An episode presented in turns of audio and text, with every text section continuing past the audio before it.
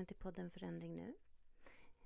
Det här är poddens julkalender 2021. Så det här avsnittet är en del av julkalendern. Varje lucka innehåller ett eller flera begrepp som jag sedan pratar om i avsnitten. Om ni vill dela er berättelse om våld i nära relation eller som anhörig till någon som blir utsatt för våld i nära relation så finns det stödfrågor på poddens Instagram-sida under höjdpunkter som man kan använda som grund till att skriva ihop sin berättelse. Ni kan också få kontakt med mig via poddens Instagram-sida och så kan ni också mejla till podd forandring nu outlook.com Idag är det den 10 december och därför är det den tionde luckan i julkalendern. Och i den här luckan så gömmer sig Silent Treatment.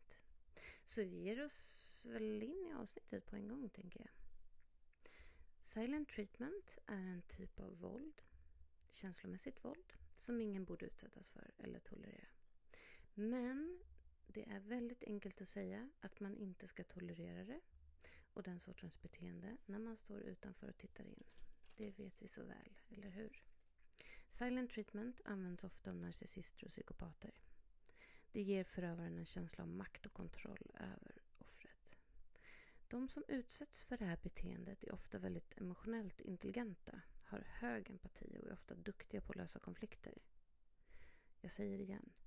De som utsätts för silent treatment är ofta väldigt emotionellt intelligenta, har hög empati och är ofta duktiga på att lösa konflikter. Så du försöker regelbundet att nå ut till förövaren för att försöka lösa situationer och blir då mött med förakt och tystnad. Du blir så ignorerad av förövaren att det till slut blir mer eller mindre som att meddelanden från, off från dig, offret, då inte existerar överhuvudtaget. Silent treatment är en passiv aggressiv form av känslomässigt våld. Förövaren kommunicerar bara elaka meddelanden till offret genom tystnaden. Det är ett maktmedel för att tvinga offret att böja sig för förövaren. Det är alltså ett sätt att få dig dit den vill.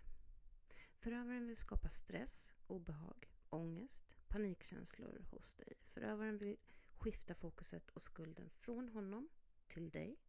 Det kan leda till att du till slut kommer be om ursäkt för saker du inte har gjort eller saker som förövaren gjort bara för att få slut på tystnaden på det här eh, nonchalanta, otroligt passiva aggressiva beteendet. Ett exempel på en vanlig situation där en person utsätter en annan person för silent treatment är Tänk dig en make med sin fru, pratar lite och maken är upprörd över något. Han säger att allt är bra eller svarar inte alls. Trots att frun ställer mm, några fler frågor så får hon inget svar. Så frun börjar skuldbelägga sig själv och fundera ut vad hon har gjort för fel och så vidare. Medan maken tiger såklart. Så vad är då syftet med silent treatment? Då? Jo, poängen är att få dig att känna dig förvirrad, stressad, skyldig, skamsen, otillräcklig eller mentalt instabil. Tillräckligt mycket så att hon gör allt vad han vill att hon ska göra. Det är också en form av förstärkning för förövaren som ökar läget så att offret måste tippa på tå eh, runt honom. Offret eh, som ofta nu är väldigt stressad och har mycket ångest eh, gör då till följd av allt det här allt för att undvika konflikter och förövarens Eh, alla olika sorters våld hon utsätter offret för blir mer och mer oförutsägbara och situationen blir mer och mer normaliserad. Det blir alltså ett, en, en, en relation där man aldrig vet när det ska smälla. Det är ungefär den känslan. Och man trippar runt på tå och man gör allt, verkligen allt för att undvika konflikter. Om man vet till exempel att han blir irriterad av att du lägger din tröja på stolen i, i eh, köket så gör du allt för att det inte ska hamna en tjocktröja där till exempel. Um, nu var det ett väldigt dåligt exempel men ni förstår. Eh, du kan springa och, det kan bli att du, spring, du får sån ångest och stress att du springer och kollar konstant liksom, innan han kommer hem från jobbet för att du är orolig att, att någonting ska vara fel. Eller att, jag vet inte, det kan vara allt möjligt. Eh, första gångerna som förövaren utsätter offret för silent treatment så tror hon ofta att något akut har hänt eftersom han inte svarar.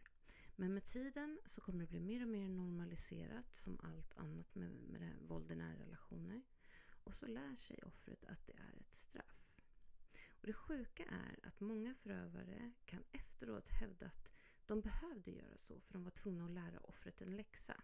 Jag levde med det här med mitt ex och det var helt sjukt för att jag eh, är otroligt bra på att eh, föra diskussioner och samtal i lugn ton och sakligt komma fram till bra lösningar och liknande. Och jag är empatisk och omtänksam och så vidare.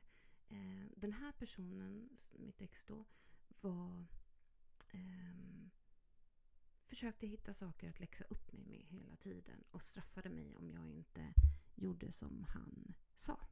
Vilket blev en jättekonstig situation. Och jag trippade på tå hela tiden för att undvika konflikter och han hittade nya saker, nya saker, nya saker.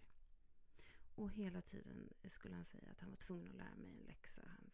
och jag vet inte om det var ett sätt att han kände sig eh, underlägsen eller någonting och att han var tvungen att hävda sig. Jag har ingen aning. Men otroligt stressfylld eh, relation när man utsätts för det här. För att du kan aldrig slappna av.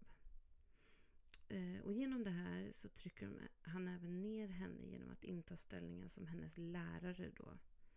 Efteråt så kommer man då att göra allt man kan för att undvika att utsättas för det igen. Och eh, ofta när man är i den här relationen, i den här situationen där man också blivit utsatt för alla, typ, alla möjliga typer av våld under en lång tid så kommer hon ju då man kommer att känna att om man bara ändrar lite, lite till på dig själv så kommer han inte behöva reagera så. Du kan undvika det om du bara gör si eller så. Det blir nästan som en utmaning liksom, till att enligt hans mall då förbättra sig. Men egentligen är det inte så för du är redan bra. Liksom. Det är aldrig offrens fel. Vi ansvarar alla för våra egna handlingar och ingen sund relation innehåller silent treatments. Alltså, um, ingen, en, en sund relation innebär inte att vi ska trippa på tå. Det innebär inte... Det, det, en sund relation och en kärleksfull relation ska aldrig vara att, att man, den ena parten är rädd för den andra, att den ena parten är orolig och stressad av den andra. En sund och kärleksfull relation så blir man den bästa versionen av sig själv med den andra partnern. Och det är så det är så det ska vara. Och det är inte i de här relationerna. Det vet vi ju allihopa. Men eh, man kan prata i en evighet om de här sakerna och ta upp situationer där man blivit utsatt och liknande. Men det här var ett litet kort avsnitt. Imorgon så är det avsnitt 11. Och då hörs vi igen.